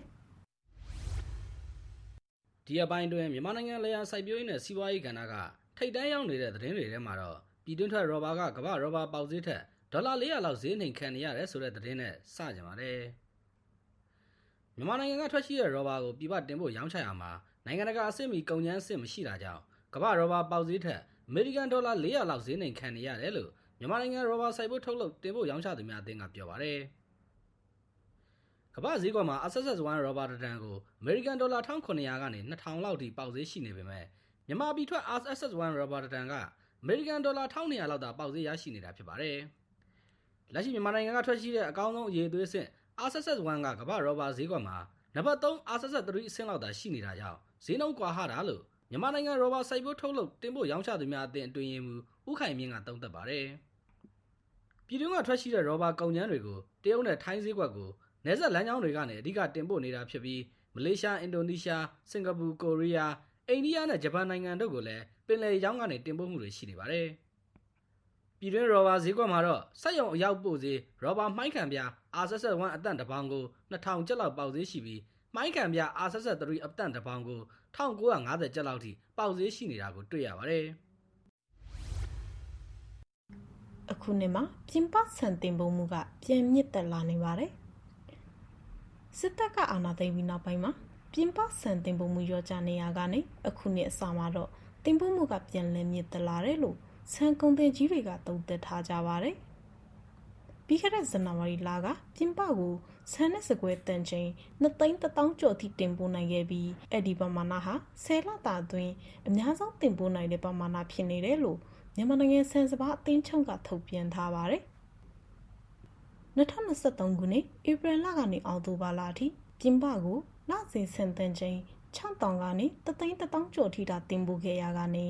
နိုဝင်ဘာလမှာတော့တန်ချိန်3,900ကျော်နဲ့ဒီဇင်ဘာလမှာတော့ တန်ချိန်3,900ကျော်ထိတင်ပို့မှုကတဖြည်းဖြည်းမြင့်တက်လာတာဖြစ်ပါတယ်။ပြင်တွင်မှာတိုက်ပွဲတွေဆက်တိုက်ဖြစ်ပွားနေတဲ့အတွက်73စီစီမြင့်တက်တာ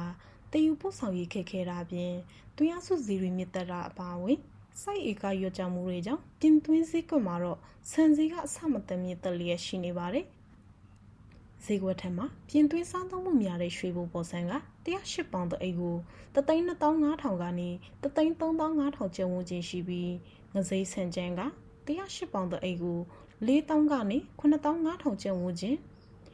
အီယာမင်းဆန်ကတအိတ်ကို3,3000ကျပ်နဲ့အီယာပဒေတာဆန်ကတအိတ်ကို3,5000ကျော်အတီးတီးပေါက်ဈေးရှိနေပါတယ်။နယ်မြေလုံခြုံရေးအခြေအနေတွေကြောင့်ကော်ဖီစစ်မဝယ်နိုင်မထုတ်နိုင်ဖြစ်နေပါတယ်။ မြမကော်ဖီကိုပြည်ပနိုင်ငံတွေကနေဝယ်ယူဖို့ကန့်လန့်ထားကြပေမဲ့နယ်မြေလုံခြုံရေးအခြေအနေတွေကြောင့်ကော်ဖီစစ်ကွင်းစင်းဝယ်ယူဖို့ခက်ခဲနေသလိုပြည်ပတင်ပို့မှုမှာလည်းအခက်အခဲတွေနဲ့ရင်ဆိုင်နေရတယ်လို့ကော်ဖီစိုက်တောင်သူတွေနဲ့တင်ပို့ရောင်းချသူတွေကပြောပါတယ်။ကော်ဖီအများဆုံးစိုက်ပျိုးရာဒေသတွေဖြစ်တဲ့ပြည်ဦးလွင်မြို့နယ်နဲ့ချင်းပြည်နယ်ရှမ်းပြည်နယ်အတွင်းကနေရာဒေသအများစုမှာတိုက်ပွဲတွေဖြစ်ပွားနေတာကြောင့်ကော်ဖီသီးခူးစုဖို့အခက်အခဲတွေရှိနေတာပါ။ဘာလို့လဲဒီမှာတော့ ဘာပြီးတော့ဝယ်တော့ရက်ထားတာပေါ့ဟိုဟိုကဆံကန်တစ်ခုပဲကျန်တော့တယ်မှန်ဘာမှလို့မရဘူးကွာပြီးတော့ပြီးတော့ဘယ်လိုကောင်းလဲအဝယ်ကူရက်ထားကျွနေရတယ်မှာဟိုဘယ်လိုကောင်းလဲဟိုရှင်းနေမကောင်းတော့အဲ့ဒါကြောင့်ဘာလို့ဘောတော့ကော်ဖီထုတ်နေရဖြစ်နေတာပေါ့နော်ရှင်းနေမကောင်းတော့ကော်ဖီမဝယ်နိုင်ထုတ်နေဖြစ်နေတာပေါ့ကျိုးတွေကတွေမှာလုပ်နေရတာပေါ့နော်သွားရတာကြီးအဲအဲပေါ်လာသွားရတာကြီးကတော့သူတို့တွေဘယ်လိုကောင်းလဲအဲကော်ဖီကျိုးတော့ကော်ဖီကိုခူးနေရတာပေါ့နော် ဒီလိုရရရိုင်းလိုဖြစ်တာဆိုဘာမှလည်းပြောမရဘူးဘယ်တော့ဘာမှလည်းခံမလို့မရဘူးပြည်ဦးချင်းမနေ့ကပါရှိမလားမှန်မရချင်တာဟုတ်လို့ဖြစ်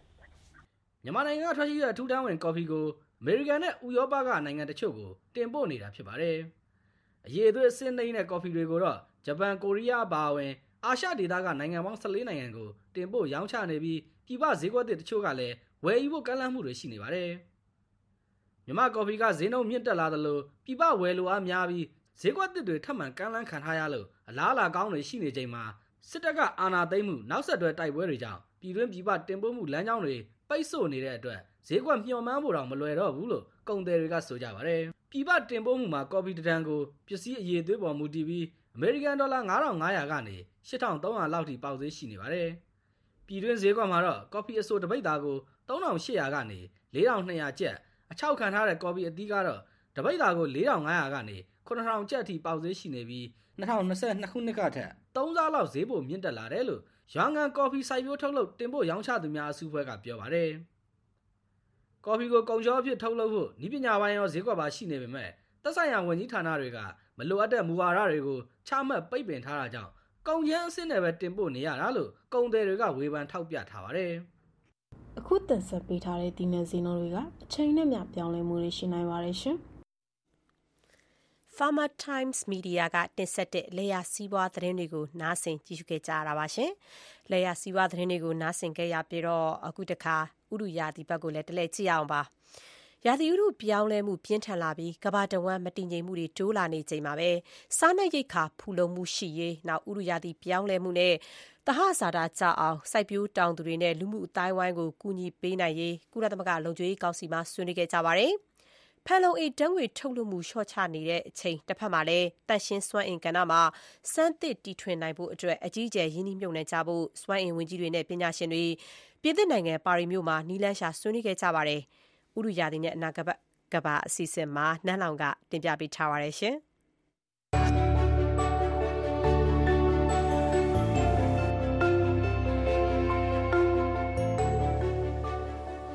ရှင်။ရာသီပြောင်းလဲမှုပိုပြီးတော့ပြင်းထန်လာချိန်မှာပဲနိုင်ငံရေးစစ်ရေးပဋိပက္ခတွေတိုးလာနေတာကြောင့်ဒီကနေ့ကဘာကြီးမှာစားနပ်ရိက္ခာတွေရှားပါလာတယ်လို့ကုလသမဂ္ဂအတွင်းမှုချုပ်ကသတိပေးလိုက်ပါတယ်။ဥမတောက်မှတီလာဆောင်မယ်ဆိုတဲ့စကားလိုပဲဟာနေတဲ့ဝမ်းကြောင်လူတွေပိုးပြီးတော့ဒေါသဖြစ်လာကြတဲ့အတွက်နိုင်ငံတည်ငြိမ်အေးချမ်းရေးကိုပါထိခိုက်လာစေတယ်လို့အတွင်းမှုချုပ်က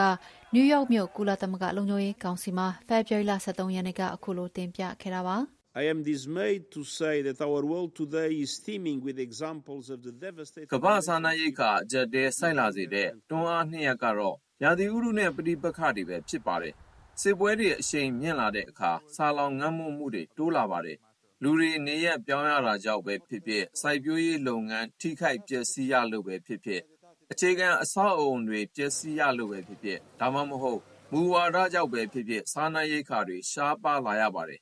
ကုလလုံခြုံရေးကောင်စီမှာ ဥတုရာသီပြောင်းလဲမှုနဲ့ လုံခြုံရေးကိစ္စကိုအလေးထားဆွေးနွေးခဲ့တာပါ။ဥတုရာသီပြောင်းလဲမှုနဲ့ အဆိုးဆုံးရင်ဆိုင်နေရတဲ့နိုင်ငံ14နိုင်ငံတို့မှာ ပဋိပက္ခတွေနဲ့ပါ ရင်ဆိုင်နေရတယ်လို့လည်း အတွင်းမှုချုပ်က ပြောပါတယ်။ A global food crisis is creating a hellscape of hunger and ကမ္ဘာစားနပ်ရိက္ခာအကျပ်တဲဟာ ကမ္ဘာအစင်းရဲဆုံးဆိုတဲ့ လူများစွာအတွက်တော့ ငရဲပုံကြီးပါပဲ။ရာသီဥတုဆိုင်ရာ အကျပ်တဲတွေကလည်း လူအသက်သေးစေလောက်တဲ့ စွမ်းအားတွေနဲ့ အရှိန်မြင့်လာနေပါတယ် မနှစ်ကတော့သမိုင်းမှာ အပူဆုံးနှစ် ဖြစ်ခဲ့ပါတယ်။ဒီအချက်နှစ်ချက်စလုံးဟာ ငြိမ်းချမ်းရေးကို ထိခိုက်စေပါတယ်။ဆာလောင်မှုတွေက ဆူပူအုံကြွမှုတွေ ဖြစ်လာစေတဲ့ တွန်းအားလည်း ဖြစ်ပါတယ်။ဂါဇာဒေသက စစ်ပွဲမှာ လူပေါင်း9သိန်းလောက် ဆာလောင်ငမို့ကြရပြီးစီးရီးယားမှာလည်းစနစ်ကျော် စစ်ပွဲကြောင့် လူ73တန်းလောက် အစာရေစာ မလုံမလောက် ဖြစ်နေရတယ်လို့မြန်မာနိုင်ငံမှာဆိုရင်လည်း ပြည်ရင်းမတည်ငြိမ်မှုတွေကြောင့် ငတ်မမှုဘေးက ပြန်ပြီးတော့ကောင်းထောင်လာတယ်လို့ ကုလသမဂ္ဂ အတွင်းမှုချုပ်က ပြောပါတယ်။ နိုင်ငံတကာငြိမ်းချမ်းရေးနဲ့လုံခြုံရေးအတွက်ချိန်ချောက်မှုတွေဖြစ်လာနေတာကိုရှောင်ရှားဖို့ပဋိပက္ခတွေဥတုရာသီနဲ့စာနာရိက္ခာရှားပါမှုကြားဆက်ဆက်မှုတွေကိုဖယ်ရှားနိုင်ရေးဝိုင်းဝန်းဆောင်ရွက်မှာဖြစ်တော်မယ်လို့လည်းအတွင်းမှုချုပ်ကထောက်ပြသွားပါတယ်။2023ကမ္ဘာစာနာရိက္ခာဆိုင်ရာအစီရင်ခံစာအရကမ္ဘာမှာစာနာရိက္ခာရှားပါပြီးတော့ဆာလောင်ငတ်မှုမှုတိုးလာစေတဲ့အတိကမောင်းနှင်အားနည်းကတော့ဥတုရာသီပြောင်းလဲမှုနဲ့နိုင်ငံရေးမတည်ငြိမ်မှုတွေကြောင့်ဖြစ်တယ်လို့လည်းဖော်ပြထားပါတယ်။ ကုလသမဂ္ဂရဲ့ဥတုရာသီရေးရာဌာန UNFCCC ရဲ့အကြီးအကဲ Simon Still ကလည်းအခုလိုတင်ပြသွားပါတယ်။ Climate change is contributing to food insecurity and to conflict. ရာသီဥတုပေါက်ပြန်မှုဟာစားနပ်ရိက္ခာရှားပါမှုနဲ့ပဋိပက္ခတွေပေါ်ပေါက်စေပါတယ်။ဖန်လုံအိမ်ဓာတ်ငွေ့ထုတ်လုပ်မှုလျှော့ချဖို့ပြောင်းလဲလာတဲ့ရာသီဥတုနဲ့တဟဇာတာကြအောင်အရှိန်အဟုန်နဲ့စင်ဆက်မပြတ်ဆောင်ရွက်ဖို့လည်းလိုပါတယ်။ ကမ္ဘာမှာအပူချိန်မြင့်တက်မှုလည်းသိပ်ကိုမြန်ဆန်လာပါတယ်။မိုးရွာသွန်းမှုပုံစံတွေလည်းပြောင်းလဲလာပြီးမုန်တိုင်းတွေလည်းပိုမိုအားကောင်းလာတဲ့အတွက်ဆုံးရှုံးပျက်စီးမှုပိုများလာပါတယ်။ရာသီဥတုပြောင်းလဲမှုကြောင့်မဟုတ်ဘဲစားနပ်ရိက္ခာထုတ်လုပ်မှုတွေကျဆင်းလာနေတယ်လို့ IPCC ကပြောပါတယ်။သိပ်မဝေးတော့တဲ့အနာဂတ်မှာစားနပ်ရိက္ခာအဓိကထုတ်လုပ်နိုင်တဲ့နိုင်ငံတွေကစိုက်ပျိုးထွက်ကုန်တွေကျဆင်းလာမှာဖြစ်တဲ့အတွက်ရိက္ခာထောက်ပံ့မှုတွေလည်း ကျဆင်းလာနိုင်ခြေရှိနေပါတယ်။တိုင်းသူပြည်သားတွေရဲ့လူမှုဘဝကိုအကာအကွယ်ပေးနိုင်ဖို့ National Climate Adaptation Plan ဆိုတဲ့ဥတုရာသီပြောင်းလဲမှုနဲ့လိုက်လျောညီထွေဖြစ်စေမယ့်အစီအစဉ်ကိုနိုင်ငံတိုင်းအကောင်အထည်ဖော်ဖို့လိုတယ်လို့လည်းထောက်ပြသွားပါတယ်။ FAO ရဲ့အဆိုအရနိုင်ငံပေါင်း၅၈နိုင်ငံကလူပေါင်း၂၅၈သန်းတို့အစာရေစာမလုံလောက်မှုနဲ့ဆိုးရွားစွာကြုံနေရပြီး သုံးပုံနှစ်ပုံဖြစ်တဲ့ ၁၇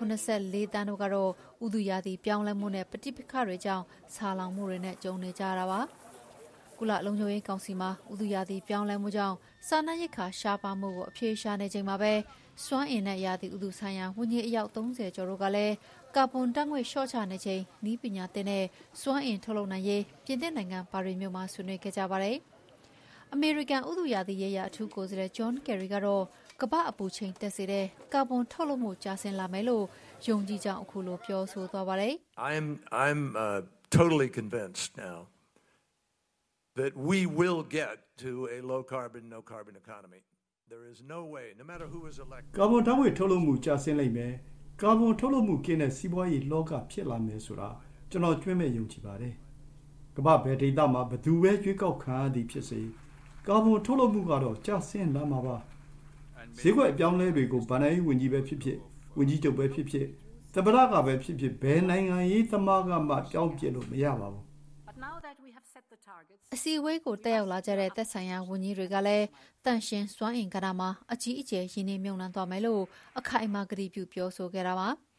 မစ္စတာဂယ်ရီကတော့ ကမ္ဘာ့ပူနွေးမှုအကျိုးဆက်ကြောင့် ပေါ်ပေါက်လာတဲ့ အဆိုးဆုံးအခြေအနေတွေကို ရှောင်ရှားနိုင်လောက်အောင်အခုလို အားသွန်ခွန်စိုက် ကြိုးပမ်းမှုတွေနဲ့ အပြောင်းအလဲတွေ အချိန်မီပါမလားဆိုတာကိုတော့ မေးခွန်းထုတ်စရာရှိပါတယ်လို့လည်း ထောက်ပြပြောဆိုသွားခဲ့ပါတယ်။ကျမ နန်းလာပါဥရု ရာသီနဲ့အနာဂတ်ကမ္ဘာအစီအစဉ်ကိုနန်းလောင်ကတင်ဆက်ပေးခဲ့တာပါရှင်။အခုဆက်ပြီးတော့သတင်းတွေကလေးကတုတအစီအစဉ်ကိုလည်းတင်ဆက်ပါဦးမယ်။မသက်ရှင်းတဲ့လေရှုချိုက်မိတဲ့အကျိုးဆက်ကျန်းမာရေးပြဿနာတွေကြောင့်သေဆုံးသူဟာကမ္ဘာမှာနှစ်စဉ်တန်းနဲ့ချီရှိပါတယ်။ကမ္ဘာဘဲနိုင်ငံဘယ်မြို့တွေမှာလေထုညစ်ညမ်းမှုအခြေအနေစိုးရိမ်စရာဖြစ်နေတယ်လဲဆိုတာကိုမညွညွလင်ကသတင်းတွေကတုတအစီအစဉ်မှာတင်ပြထားပါတယ်ရှင်။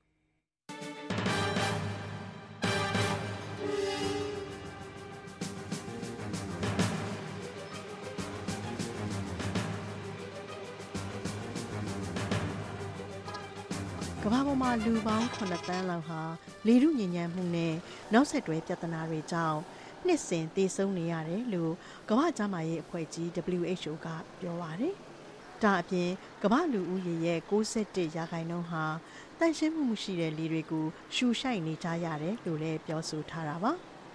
လေထုညဉ့်ဉန်းမှုဟာအဓိကအားဖြင့်လူသားတွေအသုံးပြုနေတဲ့လောင်စာဆီနဲ့ဓာတ်ငွေတွေကြောင့်ဖြစ်တဲ့အပြင်တောမီလောင်မှုတွေမိတောင်ပေါက်ကွဲမှုတွေကြောင့်လည်းဖြစ်တယ်လို့ပညာရှင်တွေကဆိုပါတယ်အထူးသဖြင့်မြို့ပြတွေမှာမော်တော်ကားတွေနဲ့စက်ရုံအလုပ်ရုံတွေကထွက်လာတဲ့မိခိုးငွေတွေဖုံမှုန့်တွေကြောင့်လေထုမတန့်ရှင်းညဉ့်ဉန်းမှုတွေအများကြီးဖြစ်ပေါ်လာရတာပါ။ဒါအပြင်မီးသွေးဂျင်းနှန်းစီတရိတ်ဆန်စွန့်ပစ်ပစ္စည်းထင်း မြက်ချောက်စတဲ့အရာတွေနဲ့အိမ်တွင်းမှာချက်ပြုတ်နေမှုတွေကလည်းအိမ်တွင်းလေထုညဉ့်ညမ်းမှုကိုဖြစ်စေတာပါဒီလိုအိမ်တွင်းလေထုညဉ့်ညမ်းမှုကလည်းကမ္ဘာပေါ်ကလူဦးရေတန်း2000ကျော်ရင်ဆိုင်နေရတဲ့ပြဿနာဖြစ်တယ်လို့လည်း WHO ကပြောဆိုထားပါတယ်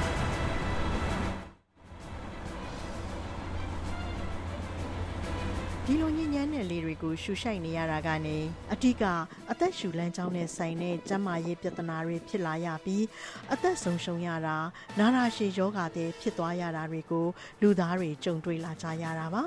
လေထုညဉ့်ညမ်းမှုအများဆုံးဖြစ်တဲ့နိုင်ငံတွေကတော့ကမ္ဘာပေါ်မှာဆင်းရဲတဲ့နိုင်ငံတွေနဲ့ဖွံ့ဖြိုးတိုးတက်ဆဲနိုင်ငံတွေဖြစ်တယ်လို့လည်းဖော်ပြထားပါတယ်။ လွန်ခဲ့တဲ့62နှစ်ကဂျာမနီနိုင်ငံမှာစတင်ထူထောင်ခဲ့ပြီးလက်ရှိဆွစ်ဇာလန်နိုင်ငံမှာအခြေစိုက်တဲ့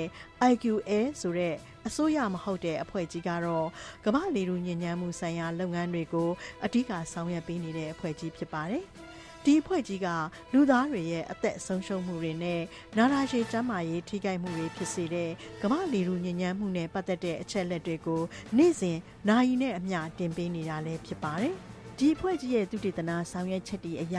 2022ခုနှစ်အထိတော့ကမ္ဘာမှာလေထုတန့်ရှင်းမှုမရှိဆုံးနိုင်ငံအနေနဲ့ကြည့်ရင်တော့အာဖရိကတိုင်းမှာရှိတဲ့ချက်နိုင်ငံဖြစ်တယ်လို့ဖော်ပြထားပါတယ်။အဲဒီနောက်မှာတော့ကမ္ဘာအရှေ့အလယ်ပိုင်းမှာရှိတဲ့အီရတ်နိုင်ငံတောင်အာရှကပါကစ္စတန်နိုင်ငံပါရှန်ပင်လယ်ကွေ့မှာရှိတဲ့ဘာရိန်းနိုင်ငံ မြန်မာနိုင်ငံနဲ့နယ်နိမိတ်ချင်းထိစပ်နေတဲ့ဘင်္ဂလားဒေ့ရှ်နိုင်ငံတို့ဟာလေထုညဉ့်ညမ်းမှုအများဆုံးဖြစ်နေတဲ့ထိပ်တန်း၅နိုင်ငံဖြစ်တယ်လို့ဆိုပါတယ်။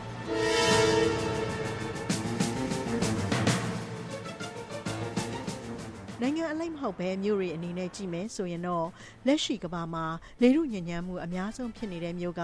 ဘင်္ဂလားဒေ့ရှ်နိုင်ငံရဲ့မြို့တော်ဒါကာမြို့ဖြစ်ပါတယ်။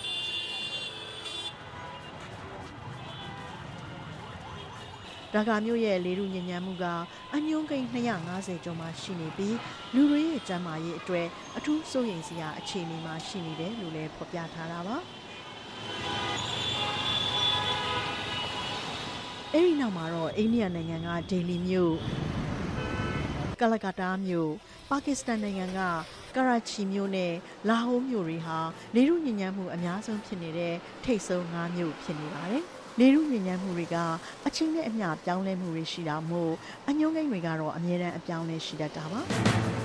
မြမအိန္ဒိချင်းထိုင်းနိုင်ငံဘန်ကောက်မြို့ကတော့လက်ရှိအဆင့်30နဲ့လေထုညဉ့်ညမ်းမှုအများဆုံးဖြစ်နေတဲ့10နိုင်ငံစီးထဲမှာရှိနေပါတယ်။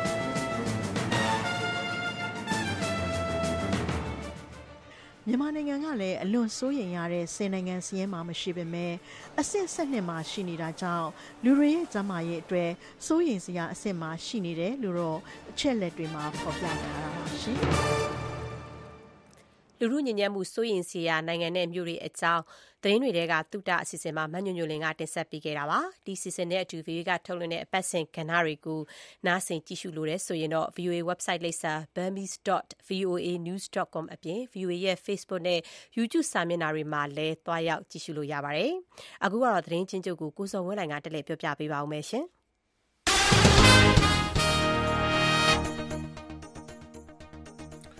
ဂျာမနီနိုင်ငံ မြူးနစ်မြို့မှာ ကျင်းပနေတဲ့ လုံခြုံရေးဆိုင်ရာ ညီလာခံ တက်ရောက်နေကြတဲ့ အမေရိကန် ဒုသမ္မတ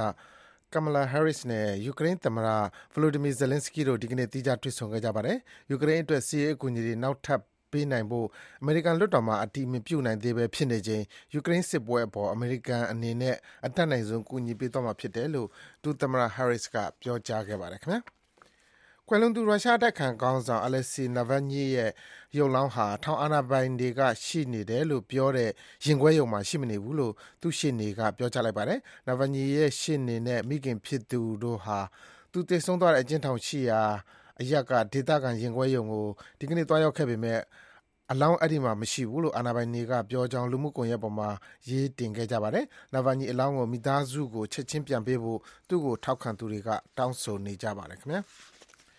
ထိုင်းနိုင်ငံ ဘန်ကောက်မြို့ Sukhumvit လေးလမ်းက အထပ်မြင့် တိုက်ခန်းတခုမှာ ဖေဖော်ဝါရီလ ၁၃ ရက်နေ့က အသတ်ခံခဲ့ရသူဟာ စစ်တက္ကသိုလ် DSA အပတ်စဉ် ၃၆ ဆင်း ရေတပ်အရာရှိ ဦးကျော်ဇေယျာဆိုသူဖြစ်ပြီး ဒုရဲမှူးကြီးဟောင်းလို့ နီးစပ်သူတွေက စုံစမ်း သိရှိရပါတယ်။ဦးကျော်ဇေယျာ သေဆုံးနေတဲ့ အခန်းထဲမှာ ခရီးသွားအိတ်နှစ်ခုကို ထိုင်းရဲတွေက ရှာဖွေ သိမ်းဆည်းထားပါတယ် အိတ်တခုမှာ သူ့ရဲ့ စာရွက်စာတမ်းတွေထည့်ထားပြီး နောက်အိတ်တခုထဲမှာ ငွေစက္ကူအတုလုပ်တဲ့ ဓာတုမုန့်တွေ ရဲက သိမ်းဆည်းရမိတယ်လို့ ထိုင်းသတင်းတွေမှာ ဖော်ပြကြပါတယ်ခင်ဗျာ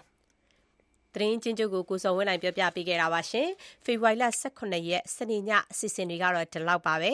ဒီကနေ့ ညချမ်းအတွက် အစီအစဉ် ထုတ်လို့ရမှုကကိုရန်နိုင်ဖြစ်ပြီးတော့စက်ပိုင်းဆိုင်ရာ အင်ဂျင်နီယာတွေကတော့ Helen Cordian နဲ့ နာရှွာခဲလီတို့ဖြစ်ပါတယ်။အခုထုတ်လွှင့်ပေးခဲ့တဲ့အစီအစဉ်အစအဆုံးကိုအစီအစဉ်ပြီးပြီးချင်းည10:00နာရီကနေ17:00နာရီမှာလည်းပြန်ပြီးတော့ထုတ်လွှင့်ပေးပါတယ်ရှင်။ VOA American တန်ရဲ့စနေညရေဒီယိုအစီအစဉ်တွေကိုတော့မြန်မာစံတော်ချိန်ည9:00နာရီကနေ10:00နာရီအထိလိုင်းဒိုမီတာ19 25နဲ့32တို့ကနေအသံလွှင့်ပေးခဲ့တာဖြစ်ပါတယ်။ VOA ကိုနားဆင်ကြည့်ရှုအားပေးကြတဲ့အတွက်အထူးပဲကျေးဇူးတင်ပါတယ်။မြန်မာပြည်သူပြည်သားအပေါင်းဘေးပြာအပေါင်းကကင်ဝေးကြပါစေကျမခင်ဗျူထွေးပါရှင် Música